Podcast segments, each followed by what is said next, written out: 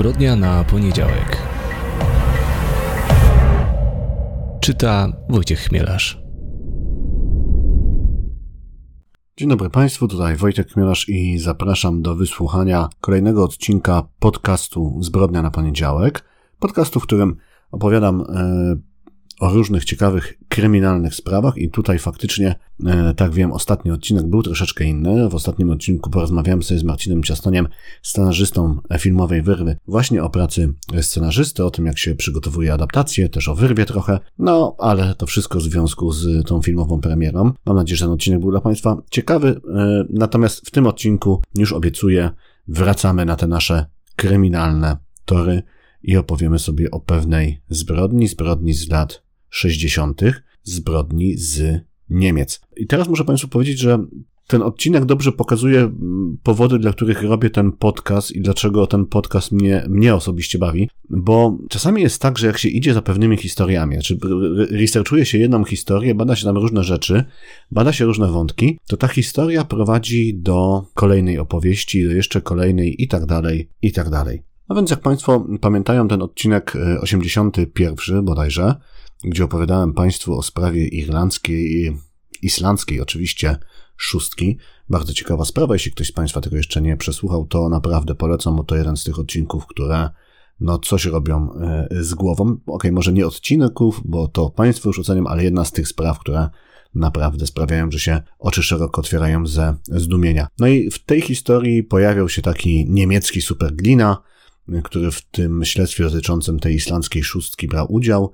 No i jak opowiadałem o, tej, o tym superglinie, to wspominałem, że on brał udział w najgłośniejszych śledztwach niemieckich e, w latach 60., no i tam była sprawa e, mordu w Lebach. No i ponieważ nigdy e, o tej sprawie nie słyszałem, zacząłem ją sobie googlować, zacząłem ją sobie sprawdzać, zacząłem szukać, o co właściwie tam chodzi, co tam się wydarzyło. No i im bardziej szukałem, tym bardziej byłem zaskoczony, więc dzisiaj o mordzie żołnierzy w Lebach Państwu opowiem. Będzie to brutalna zbrodnia z dosyć e, niecodziennym motywem, e, z no, sprawcami e, też trochę zaskakującymi, a nawet z udziałem pewnej wróżki, która faktycznie i to trzeba przyznać od razu, faktycznie ta wróżka ta jasnowicka pomogła rozwikłać tą zagadkę, pomogła złapać winnych, ale nie do końca tak, jak się chyba Państwo spodziewacie. Więc o tym wszystko im dzisiaj opowiem, ale zanim e, zaczniemy, to e, jak zawsze chciałem Państwa prosić, ciągle trwa wojna na Ukrainie, w Ukrainie, gdzie Ukraińcy zmagają się z tą barbarzyńską rosyjską e, inwazją. Jeśli jakoś możemy wspomóc Ukrainę, Ukraińców, poprzez, nie wiem, wpłatę na e, organizację, która im pomaga, to apeluję, żebyśmy to robili, bo to naprawdę każde 5-10 zł, bo to mogą być niewielkie wpłaty, robi różnicę. Ja osobiście wspieram od dłuższego czasu Stowarzyszenie Pogoń Ruska. Stowarzyszenie jest do odszukania na Instagramie, na Facebooku. Możecie się Państwo przekonać, co oni tam robią. I tutaj bardzo, bardzo to, to stowarzyszenie, nie chcę powiedzieć, że polecam, no ale o to chodzi, żeby się Państwo nim zainteresowali i może troszeczkę tam tym fantastycznym ludziom pomożecie swoimi datkami. Też przypominam, że filmowa wyrwa ciągle jest w kinach, można zobaczyć. Mam nadzieję, że ten film się Państwu spodoba. E, I jakby ostatni element tego naszego stałego punktu e, programu, czyli kącik nasz literacki, gdzie chciałem Państwu opowiedzieć o książce Wioska Wdów. E, I teraz tak, w odcinku 75 pod tytułem Dawno temu na węgierskiej prowincji Czarne wdowy z Nadżerew, e, no właśnie opowiadałem Państwu taką historię z początku XX wieku e, z Węgier, no gdzie no dochodziło do różnych dziwnych zabójstw i był to kurczę, nie chcę za dużo spoilerować, ale to, był, to jest tak niesamowita sprawa kryminalna, tak zaskakująca. E, tak dziwne jest to, że tak mało osób o niej słyszało, że no ja e, bardzo się ucieszyłem, że na nią trafiłem, bardzo się ucieszyłem, że mogłem o niej Państwu, e, Państwu opowiedzieć, bo no to jest po prostu jedna z najbardziej niezwykłych spraw kryminalnych na świecie XX wieku. No i się okazało parę tygodni po tym, jak opublikowałem ten odcinek, że wydawnictwo Mowa opublikowało książkę Patty McCracken Wioska Wdów.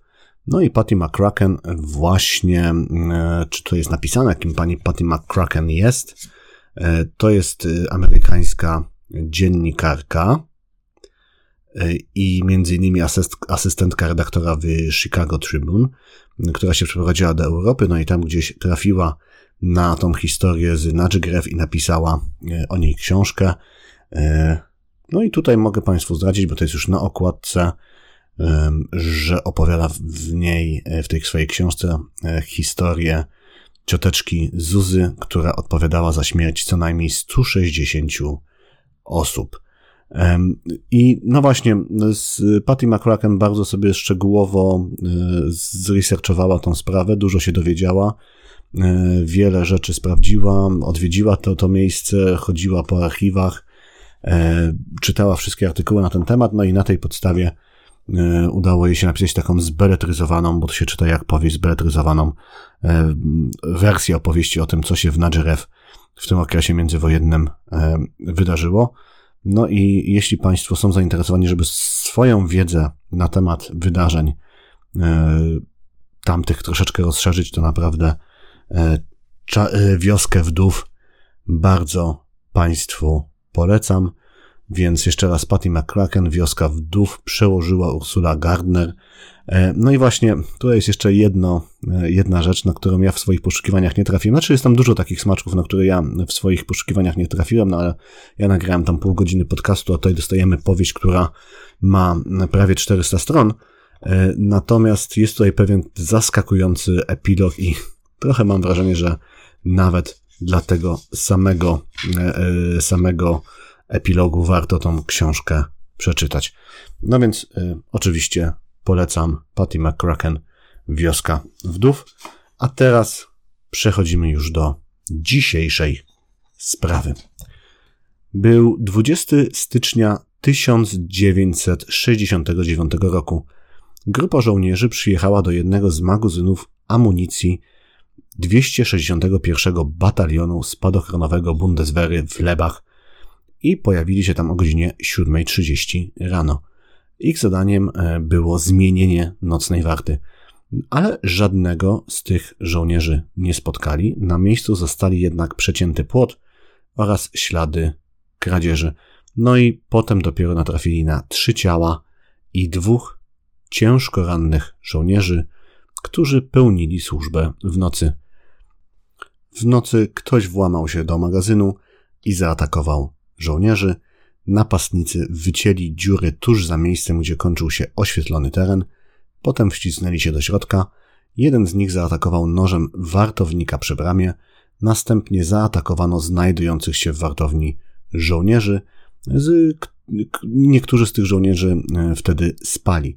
Podczas napadu zamordowano sierżanta Erwina P., który miał 21 lat, był żonaty, miał jedno dziecko kaprala Arno e, B. Tutaj nie wiem dlaczego Niemcy używają ich inicjałów.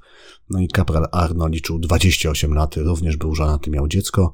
Został e, zabity też szeregowy Dieter H., który miał 21 lat i był kawalerem. Oni wszyscy zostali zastrzeleni. Przeżyli ciężko ranni Ewal M. i Reinhard S. Obaj mieli po 21, po 21 lat i obaj byli kawalerami. Ten pierwszy jednak zmarł później w szpitalu. Sprawcy podczas napadu otworzyli 4 z 12 bunkrów amunicyjnych. Ukradli 1000 sztuk amunicji karabinowej, 50 nabojów do pistoletów, dwa pistolety Walter P1 oraz trzy karabiny HKG3, a także dwie księgi wartownicze. No i sprawa zabójstwa w Lebach wstrząsnęła niemiecką opinią publiczną. E, była to prawdopodobnie najbrutalniejsza zbrodnia w powojennych Niemczech. Dodatkową grozę wywołały informacje o ukradzionej amunicji. No i trzeba sobie też zdawać sprawę z pewnego kontekstu politycznego i czasowego. W 1969 roku świat wydawał się być po prostu bardzo niespokojnym i groźnym miejscem. Dwa potężne bloki militarno-polityczne nieustannie ze sobą rywalizowały, nawzajem grożąc sobie atomową zagładą Amerykanie prowadzili wtedy krwawą wojnę w Wietnamie, a rok wcześniej Sowieci na czele wojsk Układu Warszawskiego wkroczyli do Czechosłowacji. Bardzo niespokojnie było we Francji, bardzo niespokojnie było także w Niemczech, rosły napięcia społeczne i polityczne. Nic więc dziwnego, że początkowo stawiano tezę, że za napadem stoją aktywni w Republice Federalnej Niemiec lewaccy terroryści z RAF-u, czyli z frakcji Czerwonej Armii. Zaczęto prowadzić intensywne śledztwo, w które zaangażowanych było ponad tysiąc osób. Prowadzący je oficerowie doszli do wniosku, że napastnicy dobrze znali teren.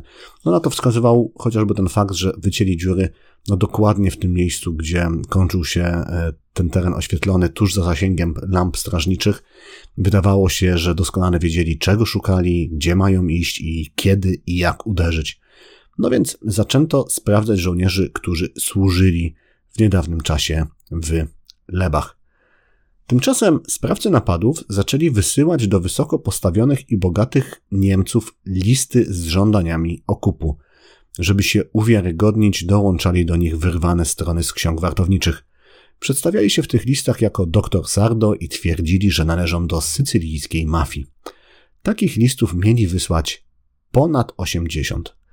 Według policji napad na magazyn w Lebach był elementem szerszego planu. Miał przestraszyć ofiary przyszłego szantażu i przekonać je, że sprawcy są naprawdę groźni i naprawdę niebezpieczni. Od jednego z bankierów z Monachium domagano się 800 tysięcy marek. Przełom w śledztwie nastąpił jednak w okolicznościach, no, innych, nieoczekiwanych i chyba dość zaskakujących a odpowiedzialna za niego była wróżka. E, w kwietniu 1969 roku w programie Aktenzeichen XY, czyli w takim niemieckim odpowiedniku programu 997, pokazano materiał na temat zabójstw. Swoją drogą Aktenzeichen e, XY to chyba był jeden z pierwszych, jeśli w ogóle nie pierwszy program telewizyjny tego typu. Program, w którym pokazywano rekonstrukcję, opowiadano o tych prawdziwych zbrodniach i proszono widzów, żeby się e, zgłaszali i dzielili z policją e, no, informacjami na temat danej, danej sprawy. Potem ten format sprzedano Brytyjczykom, sprzedano ten format Amerykanom i te programy brytyjskie, amerykańskie były wzorowane na programie niemieckim. No to jest taka, wydaje mi się, całkiem interesująca ciekawostka. No więc w tym odcinku y, Aktenzeichen XY zawarto no, rekonstrukcję y, wydarzeń w Lebach, opowiedziano o nim telewizom, poproszono ich o wsparcie, o informacje, natomiast y, trzeba też powiedzieć, że zawarto w nim całkiem sporo fałszywych informacji na temat sprawy, no i to było intencjonalne działanie. Tutaj policji chodziło o to, że jeśli ktoś będzie się odwoływał do tych fałszywych informacji, no w ten sposób będzie, będą mogli policjanci odróżnić osoby, które faktycznie wiedzą coś na temat tej sprawy, od tych, które konfabulują albo dla żartów, albo ze złej woli, albo dlatego, że po prostu chcą zwrócić na siebie uwagę, no bo przy każdej takiej sprawie, przy każdym takim programie takie osoby po prostu się uaktywniają. No i bardzo ważne jest, żeby po prostu je odsiać od tych osób, które faktycznie coś na temat danej sprawy, danego przestępstwa mogą śledczym powiedzieć. No, e, a natomiast wśród tych prawdziwych informacji e, w programie znalazły się na przykład listy wysłane przez szantażystów, a także e, nagranie rozmowy telefonicznej z jedną z ofiar. Szantażysta mówił po niemiecku, ale z takim bardzo silnym francuskim akcentem. No i tutaj śledczy czy prowadzący program przekonywali widzów, że no, wszystko wskazuje na to, że sprawcy byli Francuzami. No i po programie odezwało się mnóstwo osób, e, no i wśród nich był student lingwistyki bodajże, no i on przekonywał śledczych, jak się okazało, potem miał rację, że ten francuski akcent jest udawany. E, tutaj ten student przekonywał policję, że szantażysta, pomimo tego, że w swoich wypowiedziach popełniał takie gramatyczne błędy, które by popełniał ktoś, kto się nauczył niemieckiego jako drugiego języka, ale równocześnie zdradzał się takim zbyt bogatym słownictwem, e, a same błędy gramatyczne według tego studenta były sztuczne i e, wymuszone. I także to słownictwo, którym on się, ten szantażysta się posługiwał, według tego studenta było bardzo potoczne. Znaczy ono występowało w języku niemieckim potocznie, Niemcy się nim tymi słowami i zwrotami posługiwali. Natomiast jak ktoś się uczy niemieckiego, to się uczy takiego literackiego niemieckiego i, i w związku z tym on by tego zwrotu nie używał, tak? I tych wszystkich argumentów ten student użył, no i faktycznie potem wyszło na niego i żaden Francuz akurat z tą zbrodnią nie miał nic e, wspólnego. No i odezwała się także druga osoba, i właśnie tutaj przechodzimy do tego wątku wróżki. E, I tutaj ta pani, która się odezwała, występowała jako Madame Buchera, e, i to była taka bardzo znana niemiecka wróżka. Ona miała przydomki wróżka z Bonn, a także Pytia z Natrenu. Naprawdę nazywała się Margaret Gossantier, pochodziła z romskiej rodziny, to nazwisko Gossantier chyba źle e, zaakcentowałem, bo to nie było francuskie nazwisko, to było, e, to nie było, e, tak, to nie było francuskie nazwisko, to było nazwisko niemieckie. No więc sama Margaret, a to jest ważny szczegół, sama Margaret pochodziła z romskiej rodziny. No i jej krewni zostali zamordowani przez nazistów jako Romowie w czasie II wojny światowej. Ona sama przeżyła, a przeżyła dlatego, że wcześniej wzięła ślub właśnie z rodowitym Niemcem, jej mąż y, Adam nawet był żołnierzem Wehrmachtu, no i zginął na froncie, natomiast fakt, że ona była jego żoną, że nosiła to niemieckie nazwisko, prawdopodobnie ją ocalił. No i ona po wojnie zdobyła sporą sławę właśnie jako jasnowicka, no i podobno z jej usług korzystali najbogatsi obywatele Niemiec oraz potężni politycy. Odwiedzać ją miał sam kanclerz Konrad Adenauer. Pytia z Nadremu podzieliła się ze śledczymi opowieścią o tym, jak w pewnym momencie zgłosili się do niej, czy zgłosił się do niej mężczyzna, który przedstawiał się właśnie jako doktor Sardo, czyli tak samo jak przedstawiali się szantażyści w listach. No i ten doktor Sardo twierdził, że pracował dla Sorai Esfandiari Bakhtari i to była druga żona szacha Iranu, w tamtym momencie oni zresztą byli już chyba po rozwodzie, ponieważ rozwiedli się z tego powodu, że Soraya okazała się e, bezpłodna. Ona sama przeniosła się do Europy, tam weszła w związek chyba z jakimś dosyć znanym włoskim reżyserem, nawet wystąpiła w jednym filmie. No, dążę do tego, że ona była znaną powszechnie, a także całkiem zamożną kobietą, no i ten doktor Sardo na nią się powoływał. Twierdził, że dla niej pracuje, no i mówił, że pani Soraya bardzo chce się z tą wróżką spotkać, no i zaprosił, żeby z nim pojechała do tej Sorai. No, ta Pytia z Nadrenu trochę się zdziwiła, e, bo e, ona nigdy z nikim nie jeździła, tak? E, ona była zresztą bardzo, bardzo ostrożna i no, zwyczaj był taki, że jak ktoś chciał z nią rozmawiać, jak ktoś chciał skorzystać z jej usług, i to była powszechna wiedza, to klienci przyjeżdżali E, do niej. Więc ona odmówiła temu mężczyźnie, natomiast zapisała, bo była podejrzliwa, zapisała numery rejestracyjne samochodu, którym ten mężczyzna przyjechał. No i właśnie jak zobaczyła ten program, jak usłyszała, że e, tych bogatych Niemców szantażuje doktor Sardo, to natychmiast skojarzyła to, co się jej przydarzyło z, z tą sprawą z programu, skontaktowała się z policją i przekazała policji numery rejestracyjne samochodu, którym ten domniemany doktor Sardo się poruszał. No i właśnie w ten sposób, e, zupełnie zwyczajny, nie ma tutaj żadnego wątku paranormalnego, w ten sposób śledczy natrafili na trop, który doprowadził ich do sprawców. Okazało się nimi być e, Hans-Jürgen Fuchs e, oraz Wolfgang Dietz. To byli dwaj 27-latkowie z małego miasteczka Landau. Obaj marzyli o szerokim świecie, jeden chciał zostać psychologiem, drugi ilustratorem mody, no ale ich rodziny z taką niemiecką, niemieckim pragmatyzmem zmusiły ich do wyboru bardziej przyziemnych karier. Fuchs został urzędnikiem bankowym, a Dietz sekretarzem sądowym. Poznali się podczas studiów, od razu się zaprzyjaźnili, a potem ich przyjaźń przerodziła się w uczucie. Rozpoczęli romans. W tamtych czasach stosunki homoseksualne ciągle były karane w Niemczech więzieniem. Fuchs i Dietz snuli marzenia o tym, że wyjadą z Niemiec, kupią hacjentę gdzieś w Ameryce Południowej, albo całymi latami będą żeglować po oceanach świata. Do realizacji tych planów były jednak potrzebne pieniądze, a tych nie mieli. W 1963 roku Wolfgang Dietz odbywał obowiązkową służbę wojskową. Wtedy na miejskim basenie Fuchs poznał niejakiego Gernota Wencera, technika dentystycznego. No i rozpoczęli romans.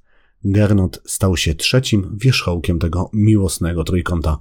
Dietz początkowo zszokowany i zraniony w końcu go zaakceptował, ale sam nigdy nie wszedł z Gernotem w żadną romantyczną relację. Cała trójka, podczas długich rozmów, kiedy pili wino, słuchali klasycznej muzyki, doszła zgodnie do wniosku, że w celu realizacji swoich planów mają prawo napadać i wykorzystywać innych ludzi. W czerwcu 1965 roku Fuchs w damskim przebraniu chciał napaść na bank, w którym pracował. Z jakiegoś powodu nic jednak z tego napadu nie wyszło. Okradł jednak własnych rodziców. Zabrał im 2000 marek. Potem sfałszował czek na kolejne półtora tysiąca. Za te pieniądze przez kilka miesięcy podróżował e, z e, Gernotem Wencelem po Hiszpanii. E, wspólnie obaj mężczyźni okradli wtedy muzeum w Madrycie.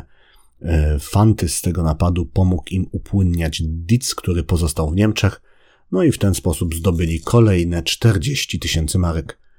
To ciągle jednak było za mało na realizację ich planów. No i wtedy po Gernota Wencera odezwała się niemiecka armia. E, Wolfgang Dietz i Hans-Jürgen Fuchs zostali sami. No i Dietz oczywiście był z tego powodu bardzo zadowolony i robił wszystko, żeby przypodobać się swojemu kochankowi i udowodnić mu, że nie potrzebują Wencera. Z kolejnych napadów jednak nic nie wychodziło. Dietz zawsze w ostatniej chwili się wycofywał. Ich ofiarą miała m.in. paść wspomniana wyżej wróżka – Planowali albo ją porwać w nadziei, że zdradzi im tajemnice swoich klientów, które potem te tajemnice wykorzystają do szantażu, albo chcieli ją wywabić z domu, żeby obrabować, bowiem byli przekonani, że jako Romka cały swój dobytek trzyma w mieszkaniu, a nie korzysta z usług bankowych. No ale z tych planów, jak wiemy, także nic nie wyszło. Wreszcie jako ostatni do armii trafił Hans-Jürgen Fuchs, i częścią jego służby było pełnienie warty w magazynach w Lebach. Dietz i Wenzel przejeżdżali go odwiedzać, chodzili w całą trójką na spacery po pobliskich lasach, no i wtedy podczas tych spacerów pojawił się pomysł napadu na magazyn amunicji. Trio chciało w ten sposób zdobyć broń, ale y, sam napad miał być na tyle głośny, że właśnie przyszłe ofiary szantażu będą musiały traktować ich poważnie. Początkowo rozważano różne scenariusze, w jaki sposób tego napadu dokonać. Oni na przykład planowali uśpić strażników albo oszukać ich, podając się za wysokiego rangą oficera. Ostatecznie jednak spiskowcy uznali, że jedynym pewnym rozwiązaniem jest zabicie wartowników. Potrzebną do dokonania napadu broń Fuchs ukradł podczas wojskowych manewrów. Dietz natomiast wyciągnął drugi pistolet z szafki w magazynie dowodów w sądzie. Po zwolnieniu Fuchsa ze służby Fuchs z Ditzem próbowali napaść na ten magazyn kilka razy. E, robili to w dwójkę, ponieważ wtedy, z tego co wiem, e, Gernot Wenzel albo się przestraszył, albo ciągle był e, w służbie w Bundeswehrze i nie mógł w tym napadzie wziąć udziału. No więc za pierwszym razem, jak próbowali tego napadu dokonać, to w pobliżu przejeżdżał policyjny radiowóz i ich spłoszył. Innym razem uznali, że księżyc świeci zbyt jasno ostatecznie zaatakowali w nocy 20 stycznia 1969 roku. Po wszystkim pojechali do Wencela, który pomógł im ukryć skradzioną broń. Ostatecznie cała trójka e, stanęła przed e, sądem. No i ten proces, jak możecie się Państwo domyślać, był bardzo głośny. Był e, relacjonowany przez wszystkie możliwe media, wywoływał wielkie emocje, także ze względu, że ujawniono ten wątek E, obyczajowy związany z tą sprawą. No i część opinii publicznej domagała się nawet e, zrobienia takiego wyjątku i powrotu w tej, akurat w tym procesie na, do kary śmierci. Ostatecznie Fuchs i Dietz zostali skazani na karę dożywotniego więzienia. Natomiast Wenzel, który nie brał co prawda udziału w samym napadzie, natomiast uznano, że on pomagał w zbrodni i on został skazany na karę 6 lat więzienia. E, no i Wencel, już nie pamiętam, czy odbył pełną karę, czy wyszedł z tego więzienia po odbyciu dwóch trzecich kary. Wydaje mi się, że odbył pełną karę, ale przepraszam, tutaj się mogę mylić. E, Dietz opuścił więzienie w latach 90. No i od tego czasu przybywa na wolności, nie wiadomo co się z nim dzieje. E, natomiast no wiadomo, że już nigdy pra prawa nie złamał, w konflikt z prawem nie wszedł.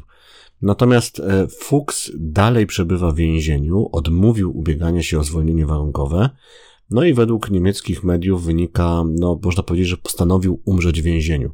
Natomiast ma być to, to, ma być to jego protest przeciwko temu, jak został potraktowany e, w sądzie. On uważa, że został potraktowany niesprawiedliwie. E, I według tej wersji, którą on przedstawiał, czy on początkowo chyba twierdził, że w ogóle go nie było w, w Lebach, że tą zbrodnię popełnili Dietz z Wenzlem, potem zmienił zdanie i zaczął wszystkim opowiadać, że e, według no, niego czterech żołnierzy zabił Dietz, on sam zaś dźgnął tylko jednego, no i jego linia obrony jest taka, że on powinien być sądzony tylko e, za usiłowanie zabójstwa i dostać znacznie wyższy wyrok. Niemiecki wymiar sprawiedliwości, no jak się dowiedzieliśmy, absolutnie nie podzielił tej opinii i, e, i Fuchs został skazany na e, karę dożywotniego więzienia. No natomiast, e, tak jak zacząłem ten wątek, nie starał się o zwolnienie warunkowe, dalej w tym więzieniu przebywa, nie chce z niego wyjść. W tej sprawie jest jeszcze jeden taki dodatkowy temat, dodatkowy ciekawy wątek. Otóż w latach 70. powstał chyba ZDF, ta e, niemiecka telewizja państwowa, e, nakręciła film dokumentalny na temat tej sprawy i wtedy e, prawdopodobnie Wenzel, który ciągle wtedy przebywał w więzieniu i odbył chyba 4 lata kary z 6, poszedł do sądu prosząc o zakaz rozpowszechnienia tego dokumentu. I on to argumentował w taki sposób, że jeśli ten dokument zostanie wyemitowany i zostaną w tym dokumencie podane jego dane, zostanie podane zostaną podane szczegóły tej sprawy, to y, przeszkodzi to procesowi y, jego resocjalizacji, resocjalizacji pozostałej dwójki. No i ten, ta sprawa otarła się o niemiecki Trybunał Konstytucyjny i niemiecki Trybunał Konstytucyjny uznał, że faktycznie tak jest, że e, ten do, e, dokument przygotowany przez niemieckich dziennikarzy nie powinien być e, rozpowszechniany. No i właśnie to było argumentowane tym, że faktycznie, kiedy szczegóły tej sprawy mm, zostaną rozpowszechnione, dowie się o nich całe społeczeństwo, to może to zaszkodzić osadzonym, tak, i trzeba chronić ich prywatność i chronić ich dane osobiste. No więc tak naprawdę jakiś pełniejszy dokument na temat tej sprawy dokument telewizyjny oczywiście powstał dopiero chyba pod koniec lat 90. i tam też była jakaś batalia sądowa, ale ostatecznie udało się go wyemitować. W latach 70. niemiecki Trybunał Konstytucyjny argumentował też, że okej, okay, można o szczegółach tej, tej sprawy informować, ale zaraz, e, znaczy w momencie, kiedy ona się wydarzyła, kiedy to faktycznie jest news, kiedy to jest na gorąco i w tym momencie społeczeństwo ma prawo poznać szczegóły, natomiast ponieważ minęło już kilka lat, sprawa jest wyjaśniona, winni są osadzeni, jakby nie ma interesu społecznego, żeby społeczeństwo niemieckie o szczegółach tej sprawy i szczegółach życia osadzonych, skazanych e, informować. No, takie to było e, uzasadnienie, dosyć dziwne, natomiast no, do dzisiaj w części materiałów dotyczących tej sprawy, niemieckich materiałów, e, nie są podane nazwiska e, sprawców. Co nie wiem, albo tylko e, pierwsze litery ich nazwisk, albo w ogóle się te nazwiska nie pojawiają.